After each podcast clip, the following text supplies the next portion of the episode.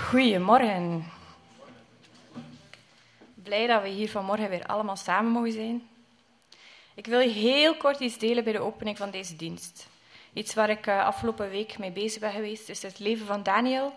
En uh, iets dat mij opviel helemaal in het begin van Daniel. Om het heel kort te schetsen, Daniel, jong, knap, slim, meegenomen uit zijn land naar een vreemd land, eigenlijk ontvoerd eigenlijk, moet daar eigenlijk ja, opnieuw een leven opbouwen, weg van zijn vrienden, familie, mensen dat hij kent. Er is een klein groepje met meegekomen, maar ja, dat is ook alles. En uh, hij wordt daar eigenlijk heropgevoed. De koning die beslist dat alle knappe jonge mannen heropgevoed moeten worden in de leer van deze nieuwe cultuur, om te kunnen dienen aan het hof. En dan staat er in 1 vers 8 dat Daniel zich voorneemt dat hij zich niet zal verontreinigen.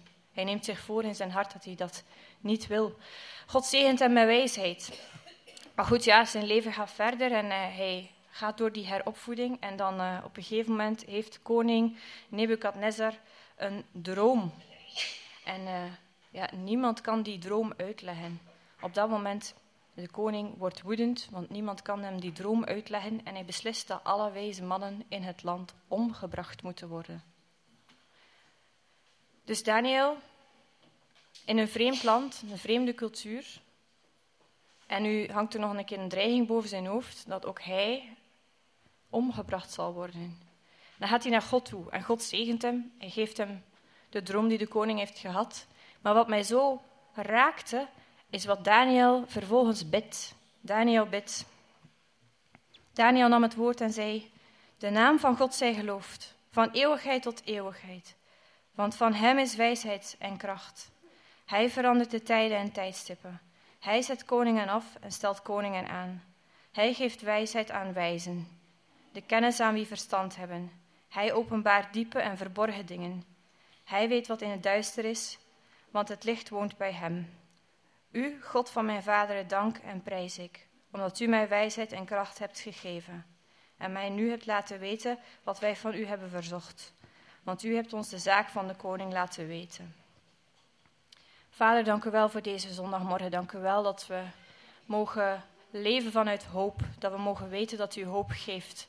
En dat we ook mogen vertrouwen op de hoop die u geeft, omdat we ja, uw grote daden ook kennen en zien. En dat we weten dat u in kunt grijpen in de levens van mensen en dat u onze hoopvolle toekomst belooft. Vader, wilt u deze morgen zo ook zegenen, dat we mogen samen uw woord overdenken en u zoeken. En dat we ook samen u mogen grootmaken door te gedenken wat u voor ons doet. Amen.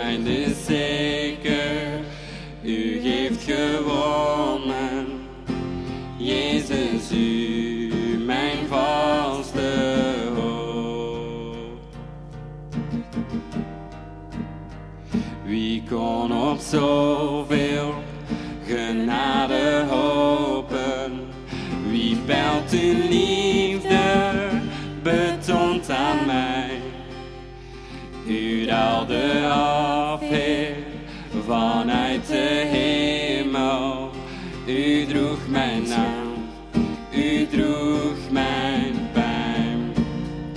U werd gekruisigd.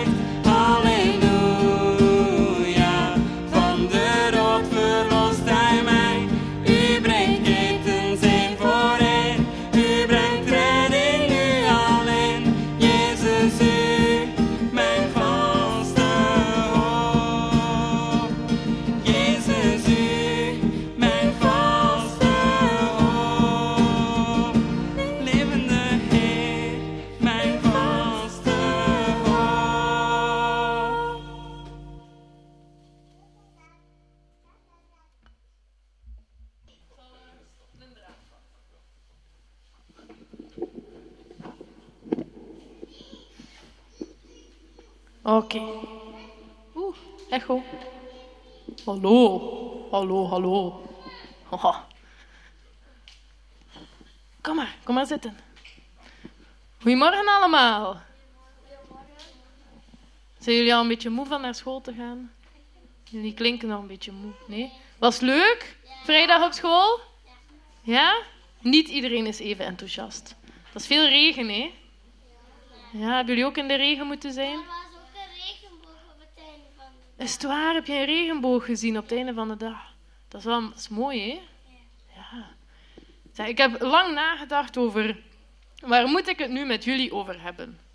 Ik wist het niet zo goed. Maar ik heb uiteindelijk beslist om het met jullie te hebben over het nieuwe kinderlied van de maand. Het is een liedje, we hebben het al een keer als kinderlied van de maand gehad, maar het was toen corona, weten jullie nog? Corona, lang geleden. Met die mondmaskers en zo, en dat we niet naar de kerk mochten komen. Dus ik dacht, dat is niet zo erg als we het nog een keer doen, maar jullie kennen het denk ik allemaal al. Het is, ik volg de Heer. Maar ja, wat betekent dat eigenlijk? Ik volg de Heer. En hoe doe je dat dan? Want we zingen in dat liedje, ik volg de Heer, want Hij is goed, Hij weet de weg, hoe het moet. Maar ja, hoe, hoe weet je dan wat dat, wat dat God wilt? De goede weg. Maar ja, hoe weten, we, hoe weten we dat dan? Hoe we God of Jezus moeten volgen? Door in de Bijbel te lezen, ja, inderdaad. Zeker in het Nieuwe Testament, daar hebben we het voorbeeld van Jezus, waar dat we uit kunnen leren. Vinden jullie dat moeilijk? De Heer volgen? Weet je het niet? Ik vind dat moeilijk hoor. Vind jij dat ook moeilijk? Ah, ja, jij zei de vorige keer, maar ik zie God niet. Dus ik kan me voorstellen dat dat dan zeker moeilijk is. Als je iemand niet ziet, hoe, hoe weet je dan hoe dat je die moet volgen? Eh, om, gewoon door, om, als je een onzichtbaar mensje bent. Als je een onzichtbaar mensje bent, dan kan je de onzichtbare volgen. Ja, maar dat we zijn niet onzichtbaar, hè? We zijn hier fysiek aanwezig. Is er nog iemand die, die zo denkt, ah, als ik probeer om Jezus te volgen, dan doe ik dit? Of... Proberen jullie Jezus te volgen soms? Ja? Ja? En, en hoe probeer je dat dan? Wat doe je dan? Bidden. En hoe gebruik je bidden dan om Jezus te volgen? Ja, en, en wat doe je dan om dat te proberen te doen? Bidden. En wat vraag je dan als je bidt? Of wat zeg je dan? Vertel je dan over jouw dag, wat je hebt gedaan? Nou ja, dan weet God weet wat we doen, maar het is ook leuk als we vertellen wat we doen. Ja, zeg maar. Vragen aan Jezus dat hij jou kan leren hoe dat je de juiste weg moet volgen. Dat is allemaal heel juist, maar ik vind dat niet zo gemakkelijk in de praktijk. Ik bid dat ook, maar dat wil niet zeggen dat dat daarom per se zoveel gemakkelijker is om dat te doen. En ik denk dat dat bij jullie ook wel zo is. Je mag dat ook toegeven, hè? bij veel volwassenen is dat ook zo hoor. Ik denk bij iedereen. En ik heb deze morgen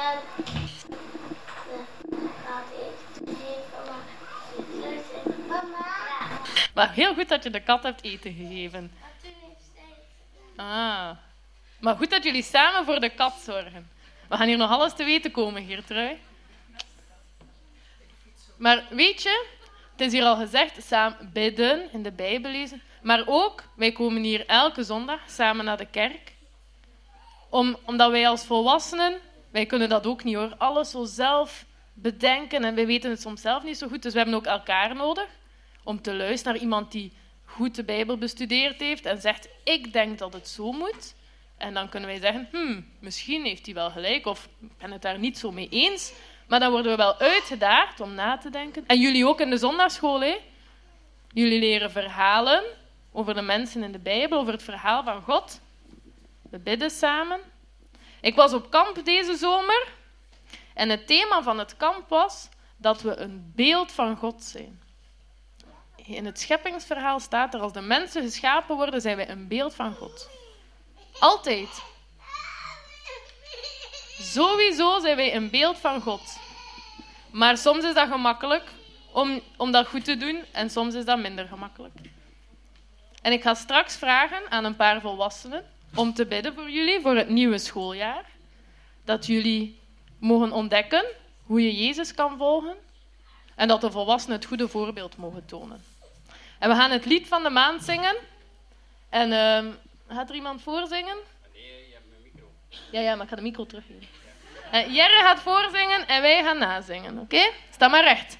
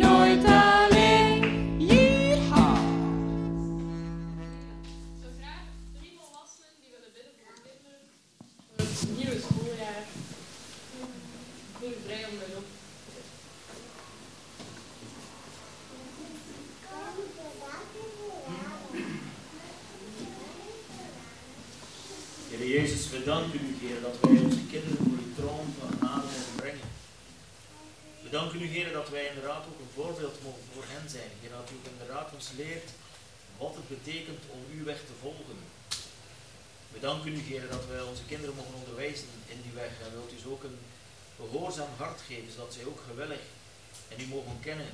Die inderdaad, die onzichtbare God, die door kleine wonderen zich openbaart aan ons mensen, die ons bemoedigt en ons troost. En dat onze kinderen dat ook mogen zien en leren. Wilt u ze ook behoeden, ook in het nieuwe schooljaar, Heer, dat ze zich, ja, ook daarin eh, een voorbeeld mogen zijn. Wilt u hen helpen bij hun studies, voor zij die het misschien moeilijker hebben, Heer, ook voor zij die het moeilijk hebben om vriendjes te maken.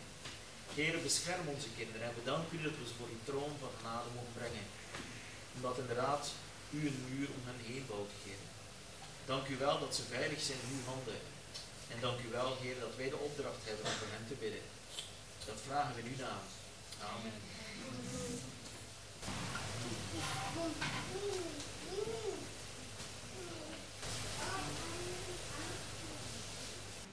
We hebben al samen gezongen over eh, wat God allemaal voor ons heeft gedaan. En we weten dat we een God hebben die eh, de schepping heeft gemaakt, die ons heeft gemaakt en dat we Hem mogen aanbidden. Ehm, en dat is ook een stuk voor ons fundament waarop dat we mogen weten van God is goed. We kennen, eh, we kennen Zijn werken. Ehm, dat geeft hoop ook voor de toekomst. En we weten ook dat Hij ons een hoopvolle toekomst belooft. En daar gaan de volgende twee liederen over.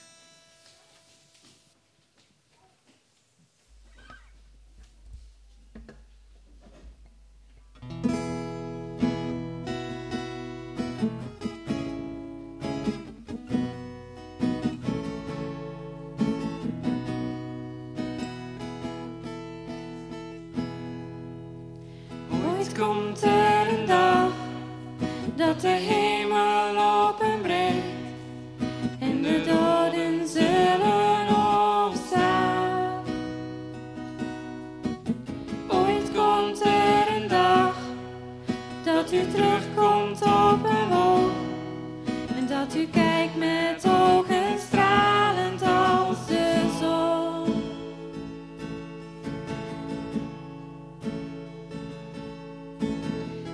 zal het zo zijn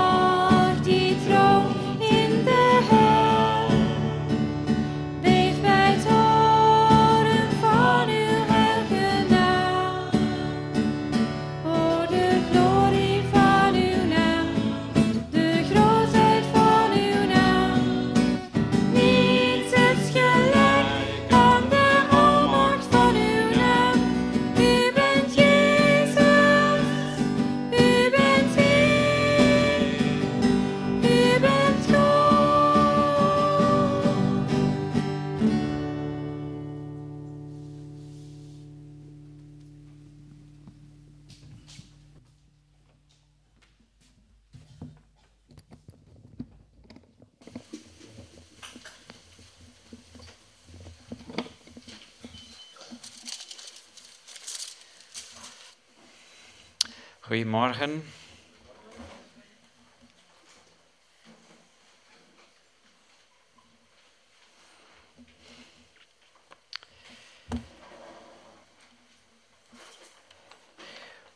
Wij zijn aan eh, de laatste preek van een reeks doorheen Genesis 1 tot 11 aangekomen. Ehm, en ik ga even eh, samenvatten wat we tot nu toe hebben geleerd. De eerste preek ging over Genesis 1, de scheppingsverhaal. En daar hadden we gezien dat dat geschreven was met een opzettelijk structuur, de zes dagen van het scheppingsverhaal. En dat de zevende dag, de Sabbatsdag, werd gegeven als een geschenk aan de mens. En dan was de uitnodiging aan ons om ook dan de Sabbatrust te nemen. Dan hebben we de zondeval uh, over gelezen, de zondeval, Genesis 3. En we hebben gezien dat wat de mens fout deed, was de mens grijpte naar goddelijkheid. Denk aan de woorden van de slang, jullie zullen zijn zoals God. Dat was de verleiding. En de vraag die we hebben bekeken was, is er een weg terug? Is er een weg terug naar Eden? Naar de tuin? En uh, het antwoord is ja, Jezus. Jezus is de weg terug, want Jezus heeft als mens de slang opnieuw tegengekomen in de woestijn. En waar dat iedereen gefaald heeft, is Jezus erin geslaagd om de test te weerstaan. En zo is de weg geopend naar de tuin. En dan de vorige preek voor de zomer was dat de zondevloed, Genesis 6. De zondevloed. En de vraag die ik daarbij stelde was: waarom? Is dat, was dat een daad van een wraakzuchtige God? Zo vreed. Waarom? En we hebben gezien, nee, eigenlijk was dat een daad van genade. Genade omdat en dat was een heel een, een vreemde vers waar dat we lezen over de gemeenschap tussen de dochters van de mensen en de zonen van God. En we hebben gezien dat dat was eigenlijk een, ja, een grens die overschreden werd, een onnatuurlijke gemeenschap tussen geestelijke wezens, spirituele wezens, de zonen van God, aan de dochter van, dochters van de mensen. En God moest dat stoppen, want als dat zo verder ging gaan, zou dat betekenen dat de mens in zijn zonde zou blijven. Dus het was eigenlijk een teken of een, een daad van genade. En misschien heb je het al gemerkt dat er een terugkerende thema is in Genesis 1 tot 11. En dat is dat God moet telkens ingrijpen om de kwaad te beperken. God moet telkens ingrijpen om de schade die de mens en ook de geestelijke wezens die in opstand zijn gekomen, om de schade van hen te beperken. Adam en Eva waren verbannen van de tuin van Eden. Waarom? Omdat ze geen toegang mochten meer hebben tot de boom des levens. Want als ze de boom des levens blijven eten, dan zouden ze blijven leven in een toestand van zonde. Hetzelfde met de zondevloed. Opnieuw een ingrijpen om de schade te beperken. En met de tekst vandaag, onze laatste tekst, gaan we zien, opnieuw moet God ingrijpen om de schade te beperken. Want de capaciteit, het vermogen van de mens voor kwaad is zo groot God moet telkens ingrijpen. Laten we samen uh, de Bijbel openen, Genesis hoofdstuk 11. Genesis 11, vers 1 tot 9. De toren van Babel. Heel de aarde had één taal en eender woorden. En het gebeurde toen zij naar het oosten trokken, dat zij een vlakte in het land Siniar vonden. Daar gingen zij wonen. En zij zeiden allen tegen elkaar: Kom, laten wij kleiblokken maken en die goed bakken. En de kleiblokken dienen hun tot steen en het asfalt diende hen tot leem. En zij zeiden, kom, laten wij voor ons een stad bouwen en een toren waarvan de top in de hemel reikt. En laten we voor ons een naam maken. Anders worden wij over heel de aarde verspreid. Toen daalde de Heere neer om de stad en de toren te zien, die de mensenkinderen aan het bouwen waren. En de Heere zei, zie, zij vormen één volk en hebben allen één taal. Dit is het begin van wat zij gaan doen. En nu zal niets van wat zij zich voornemen te doen voor hen onmogelijk zijn. Kom, laten wij neerdalen en laten wij hun taal daar verwarren, zodat zij geen van allen elkaars taal zullen begrijpen. Zo verspreidde de Heere hen vandaar over heel de aarde en zij hielden op met het bouwen van de stad. Daarom gaf men haar de naam Babel, want daar verwarde de Heere de taal van heel de aarde en vandaar verspreidde de Heere hen over heel de aarde. Een tijdje geleden was er een programma op de VRT dat heette Kinderen van de Kolonie.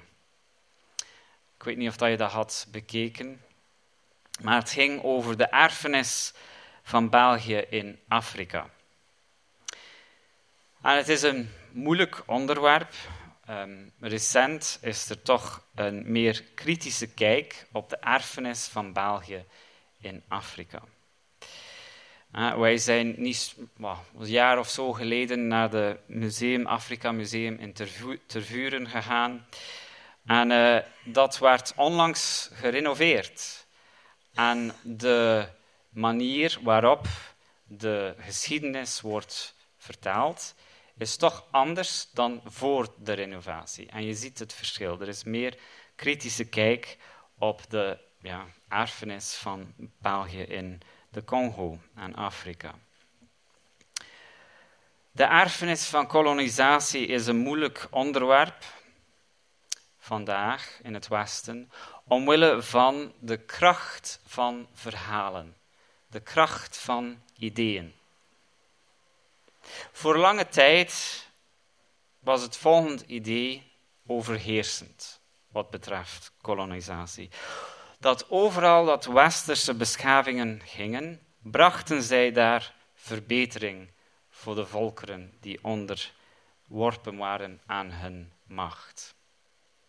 Zowel Groot-Brittannië, al in India bijvoorbeeld, het idee dat de Britten hebben infrastructuur gebracht enzovoort. Frankrijk in Noord-Afrika, België in de Congo. Overal heerste dat idee van wij brachten verbetering. En het is niks nieuws. Denk bijvoorbeeld aan de Pax Romana, de vrede onder Rome. Rome dacht ook dat zij vrede brachten, verbetering. En de beschaving brachten aan de barbaren buiten de grenzen van het Romeinse Rijk zoals ook de stammen van de Belgicae.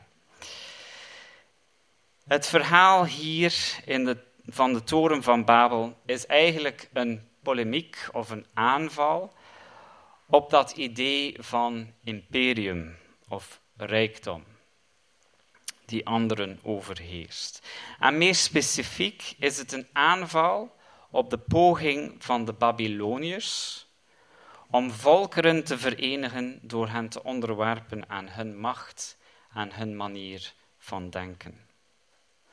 Even wat context. Zoals elke rijk hadden de Babyloniërs ook een officiële versie van de geschiedenis.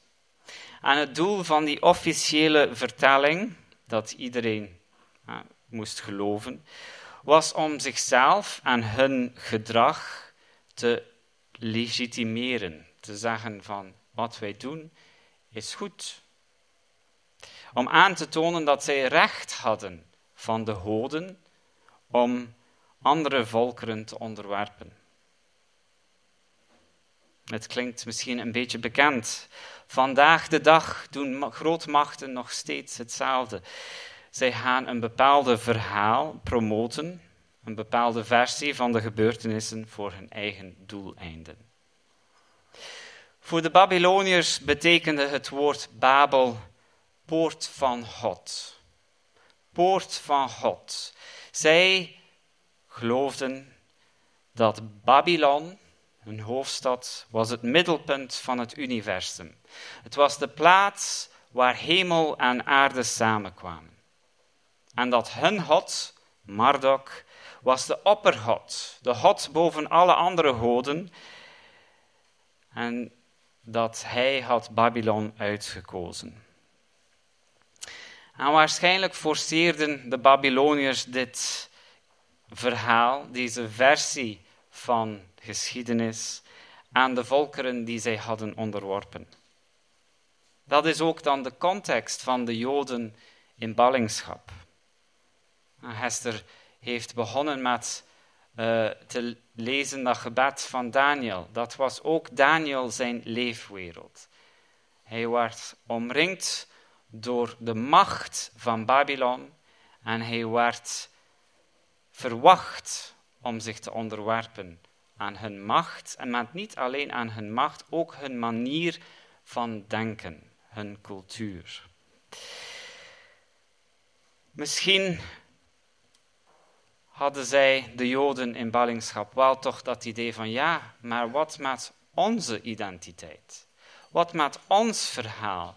Wat met onze God, Yahweh? Genesis 1 tot 11 vertelt een andere versie van de geschiedenis. En het weerlegt en ontkracht de Babylonische versie, de officiële versie van de machthebbers.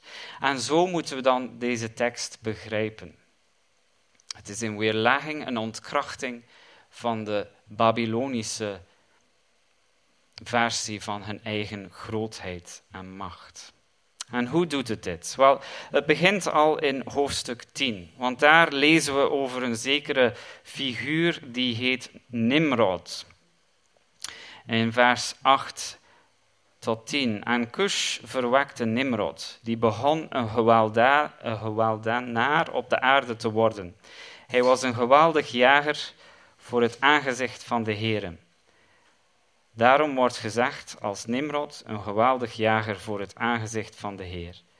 Het begin van zijn koninkrijk bestond uit Babel, Akkad en Kalne in het land Siniar. Hm, Babel, Akkad, dat is allemaal wat wij ja, nu beschouwen als Irak. In die tijd Mesopotamië, het land tussen de twee rivieren van de Euphrates en de Tigris. Nimrod, zegt de Bijbel, was de oprichter van die steden, van die plaats daar, Mesopotamië. En Nimrod zegt ook hier in Genesis 10 was een geweldenaar, een figuur, een jager, waar dat er geweld, hij gebruikte geweld. En zijn naam, Nimrod, betekent in het Hebreeuws letterlijk opstand. Opstand. Dus het beeld dat wij hier al krijgen van Babylon, Babel, is een stad die is opgericht in opstand, met geweld in opstand tegen God. En dan in vers 4 van hoofdstuk 11 lezen we: Kom, laten wij een stad bouwen. De eerste persoon die in, de Bijbel die een stad heeft gebouwd was Kain, de broer van Abel. Aan steden, zeker in het begin van de Bijbel, hebben toch een beetje van een negatieve connotatie. Het ideaal is een tuin. De mens is bedoeld om in een tuin te wonen. Een stad heeft muren. Een stad is nodig voor bescherming. En Kain bouwt een stad omdat God hem moet verbannen naar het oosten, dus opnieuw datzelfde gedeelte van de wereld waar Babylon uh, zich bevindt. En Kain bouwt een stad voor bescherming, omdat hij bang is. Omdat hij zijn broer heeft vermoord, Abel. Dus hij bouwt een stad ter bescherming, maar eigenlijk, God wil dat hij de bescherming is van de mensen. Dat God is als een muur. Dus een stad in het begin, het verandert wel, want dan denk natuurlijk aan Jeruzalem, aan de hemelse stad. Dus het beeld van een stad verandert doorheen de Bijbel. Maar in het begin is het negatief. En dus we lezen, zij bouwen een stad. En ze zeggen, laten we een stad bouwen aan een toren. Een toren waarvan de top tot in de hemel geraakt. En laten we voor ons een naam maken. Dus we lezen hier dat deze bouwers, de Babyloniërs, de oprichters van het stad Babylon, zij wilden uh, hemel en aarde samenbrengen. Zij wilden een toren bouwen tot in de hemel. Dus in die tijd dachten mensen dat de hemel is letterlijk hierboven. En dus een toren, als je hoog genoeg kon bouwen, zou letterlijk tot in de hemel gaan. Waar dat de goden zijn. En dus zij wouden hemel en aarde samenbrengen. Op hun manier, door hun eigen uh, kracht. En waarom? Om een naam te maken voor zichzelf. Een naam. Maar volgens de Bijbel is er maar één naam. En we hebben dat ook in een liedje daarnet gezongen. Er, gezongen. er is maar één naam. En dat is God. God Almachtig. En dus je ziet hier, ze maken datzelfde fout zoals iedere keer. Ze grijpen naar goddelijkheid. Ze willen zijn zoals God. Ze willen een naam voor zichzelf maken. Nu, op zich het verlangen om opnieuw de hemel binnen te treden, de weg terug naar Eden te vinden, is niks verkeerd mee. Het gaat hier over de manier waarop. Heel dit project is geboren uit verkeerde motivatie, om een naam te maken voor zichzelf, om op eigen kracht, op je eigen manier, die goddelijkheid te pakken, in plaats van bescherming te zoeken en leven te vinden bij God. Dus het is dezelfde fout keer op keer. En dan lezen we dat God moet neerdalen om te kijken. En dat is eigenlijk een beetje ironisch. Zij denken dat zij hoog genoeg zijn om tot in de hemel. Maar eigenlijk moet God, die in de hemel is, zelfs neerdalen zodat hij kan zien wat dat ze doen. Dus dat is bedoeld als ja, ironisch. Van ja, zij denken dat ze hoog tot in de hemel kunnen geraken. Maar eigenlijk, om het te kunnen zien, moet God zelfs neerdalen uit de hemel. Dus God komt, daalt neer uit de hemel. En hij beslist om in te grijpen. Om opnieuw in te grijpen, om die schade te beperken. En wat doet hij? Hij verwarde hun taal en verspreidde hen. En hier zie je een uh, typisch Hebreeuws uh, woordspeling. Want Babel, voor de Babyloniërs in hun taal, betekende poort van God, zoals ik al had gezegd. Maar Babel in het Hebreeuws heeft dezelfde stam als het woord verwarring of verward. Dus het is een woordspeel. De Babyloniërs denken dat zij groot zijn, dat zij kunnen tot in de hemel geraken, dat ze een naam voor zichzelf gaan maken. Maar eigenlijk zijn ze verward, zegt de Bijbel. Dus de conclusie is, de Babyloniërs pronken met zichzelf. Ze dachten dat zij het middelpunt van het universum zijn, waar hemel en aarde zou samenkomen, en dat zij daardoor het recht hebben om alle volkeren te onderwerpen aan hun manier van denken, hun taal, maar eigenlijk hun project om rijkdom en macht uit te bouwen is een dwaasheid volgens God en is ontstaan uit opstand tegen God. Nu in vers 1 staat er geschreven: Heel de aarde had één taal en eendere woorden. Dat kan verwijzen naar één taal, naar één cultuur of één manier van denken. In het Hebreeuws staat er letterlijk één lip, één tong, één. Ja, dus dat kan verwijzen naar één manier van denken. En als je oude teksten leest van koningen in die tijd, zeggen ze, pronken ze soms over het feit dat zij hebben onder hun macht de wereld tot één taal gebracht. Eén manier van denken. Dus dat is eigenlijk een verwijzing naar ja, andere volkeren onderwerpen.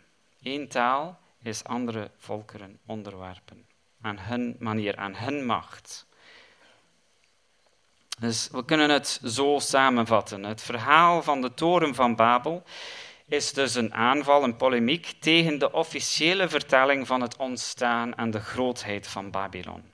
In plaats van Babylon als het middelpunt van het universum, de plaats waar hemel en aarde ontmoeten, wordt Babylon voorgesteld als het hoogtepunt van menselijk opstand en dwaasheid. Wat denk je dat dit deed dan voor de Joden die dit lazen, terwijl ze in ballingschap waren in Babylon? Zij waren omringd door tekens, eh, alle gebouwen, um, heel de cultuur, tekens van de grootheid van Babylon. Ze waren continu geconfronteerd door die officiële versie van het verhaal. Maar Genesis vertelt een heel ander verhaal van het ontstaan van Babylon. Het ondermijnde de officiële versie. En ik denk, in eerste instantie was dat, denk ik, een bemoediging voor de Joden in ballingschap. Om te weten, ja, dit is de waarheid, dit is de realiteit. Het is niet zoals de Babyloniërs het zeggen. En ze konden zich vasthouden aan hun eigen identiteit, hun eigen verhaal. Door de leugens van Babylon te ontmaskeren.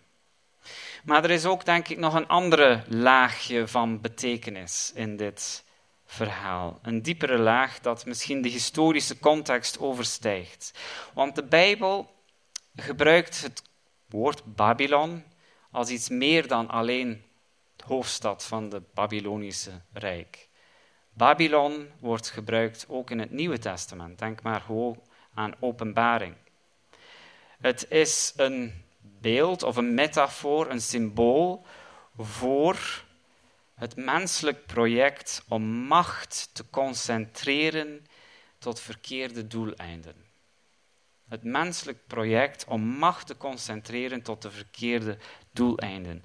Het is dus een waarschuwing voor iedereen die probeert een naam voor zichzelf te maken, die door geweld en door macht anderen proberen te onderwerpen en in opstand komen tegen God.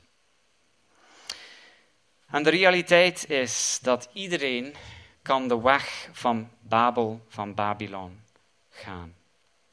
Zelfs de kerk kan de weg van Babylon gaan.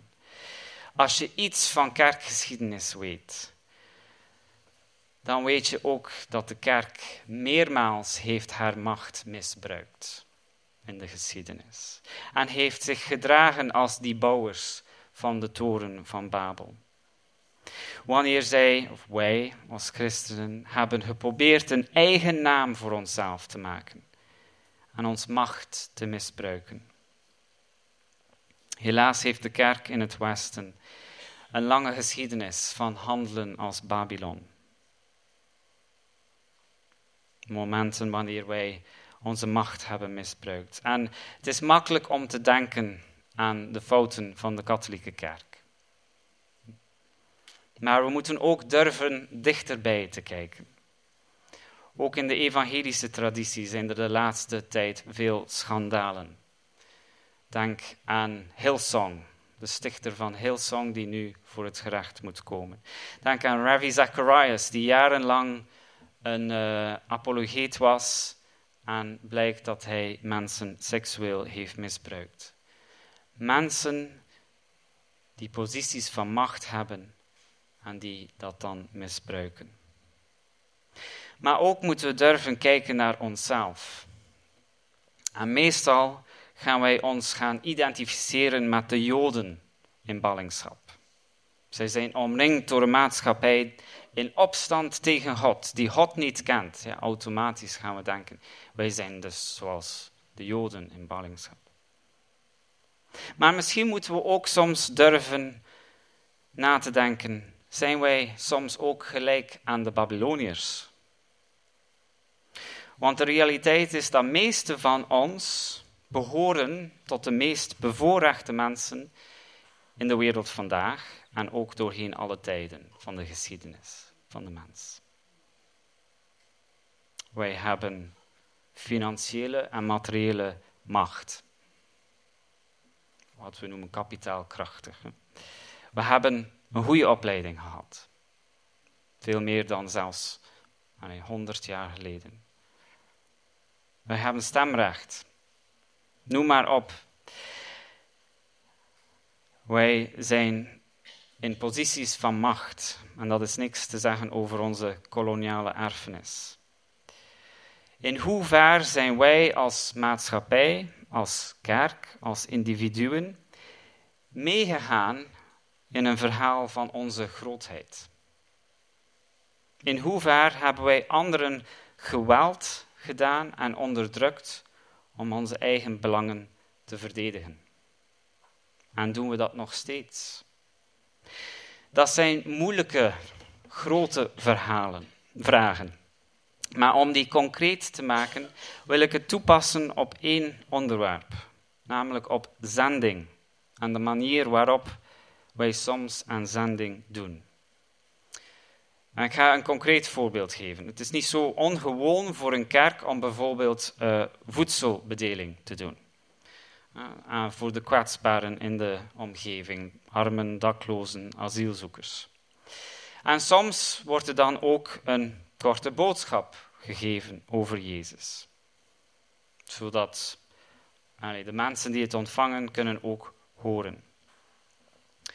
Maar wat er soms gebeurt, is dat mensen kunnen alleen voedsel ontvangen als ze blijven om te luisteren. Nu, er is niks verkeerd met voedsel geven aan armen. Er is zeker niks verkeerd met mensen te vertellen over Jezus, om een boodschap te geven. Wat ik wel moeilijk vind, is de machtsverhouding die aanwezig is. Wij moeten altijd opletten wanneer wij zending doen vanuit een positie van macht en voorrecht ten opzichte van ons doelpubliek. En daarom denk ik dat het heel belangrijk is dat wij luisteren naar onze broeders en zusters in landen waar christenen worden vervolgd. Want zij zijn niet in een machtspositie. Onlangs las ik het volgende van een Indische kerkleider. Hij schreef: Slogans zoals een natie discipelen zijn, wanneer ze van een westerse kerk komen, toondoof. Veel kerken die in andere delen van de wereld aan deze agenda werken, hebben niet hun eigen buren zelfs bediscipeld. Hij verwijst ook in dat artikel naar toch een vorm van kolonialisme dat nog steeds leeft in veel westerse zendingsorganisaties. Het gebruik van macht om toch je eigen agenda door te drukken.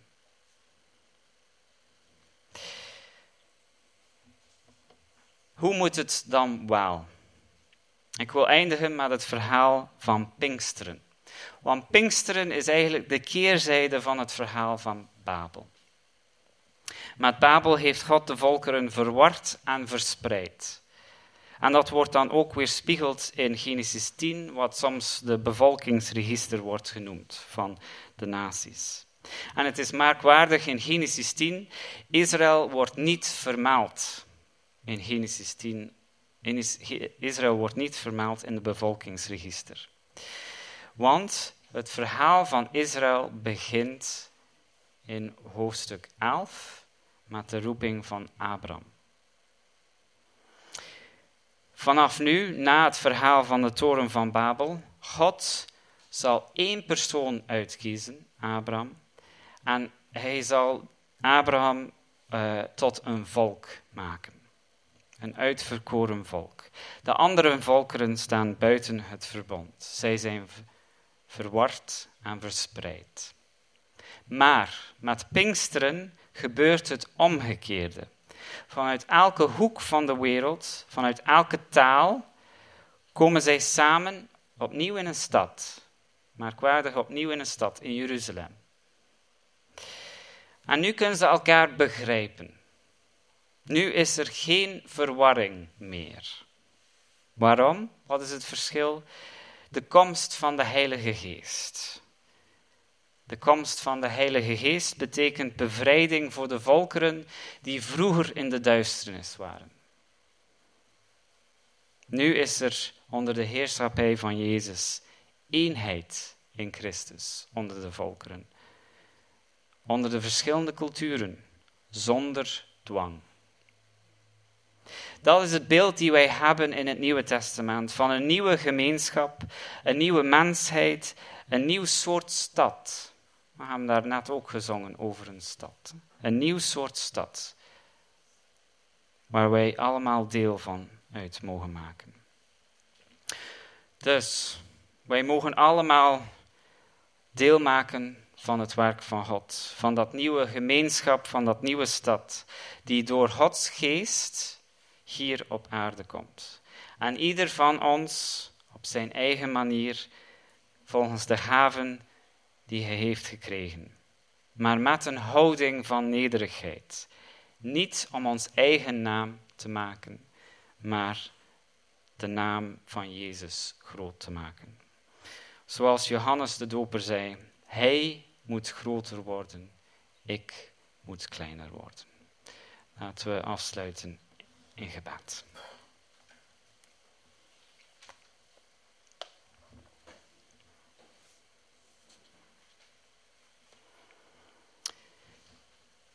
Hemelse Vader, vergeef het ons, Heer, als wij schuldig zijn aan wat de bouwers van die toren hebben gedaan. Wanneer wij hebben proberen een naam voor onszelf te maken, wanneer wij met macht anderen hebben geweld gedaan. Toon ons, Heer, ook hoe wij dat nog steeds doen.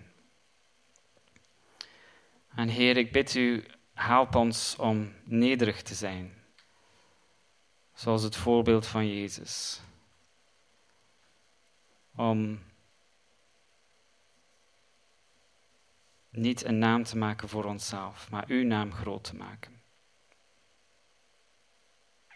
Heer, toon ons verder deze week wat wij nog moeten leren vanuit deze boodschap. Geef ons inzicht in onszelf, dat wij mogen meer en meer de weg van u volgen. Amen.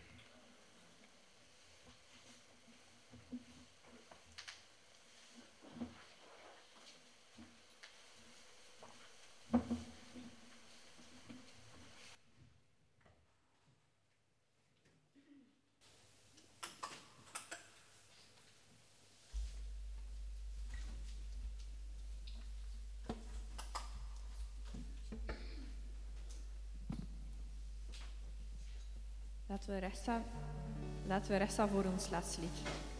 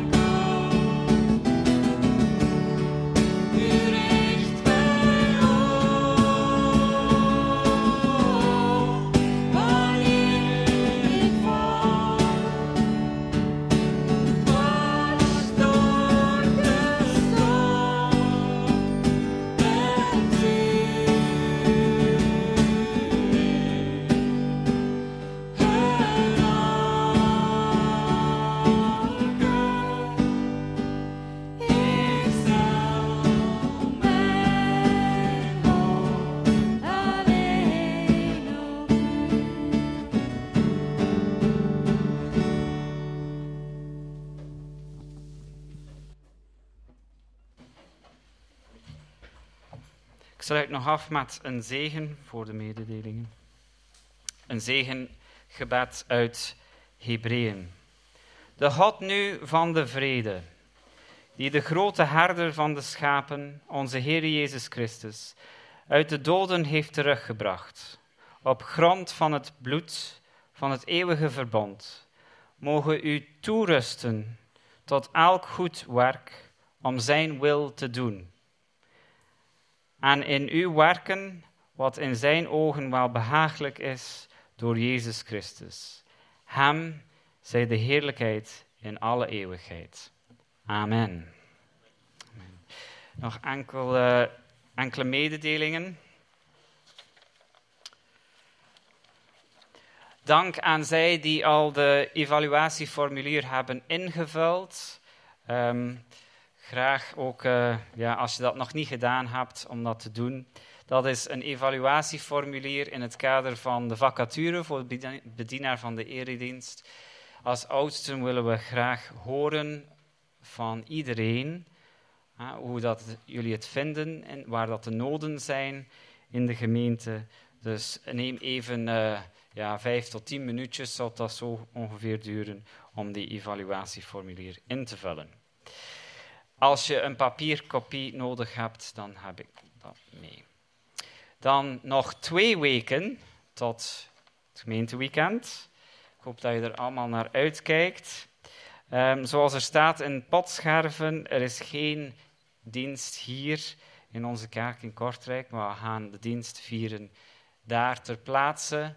Dus als je niet bent ingeschreven voor het gemeenteweekend, maar je bent zeer welkom om nog te komen naar de dienst, geen probleem. Het is wel dat het niet hier doorgaat, maar daar. Het adres enzovoort staat ook in Potscherven. Um, dan wat er ook in Potscherven staat, is dat de ambtsperiode ten einde is gekomen voor de oudsten Stefan en Thomas en Nick als diaken. Thomas en Nick hebben uh, gekozen om opnieuw zich kandidaat te stellen. Dus graag uw stembrief invullen en deponeren in de collectebus of geven aan een van de oudsten. Stefan heeft gekozen om niet zich opnieuw als kandidaat te stellen als oudste. Stefan, wij zijn heel dankbaar voor de jaren van toewijding. En ik denk wel, ik ben er zeker van, dat we nog een moment gaan hebben wat we meer uitgebreid zullen nemen om u te danken. Oké, maar in ieder geval wil ik nu al het moment nemen om u te danken voor die. Misschien even. Uh,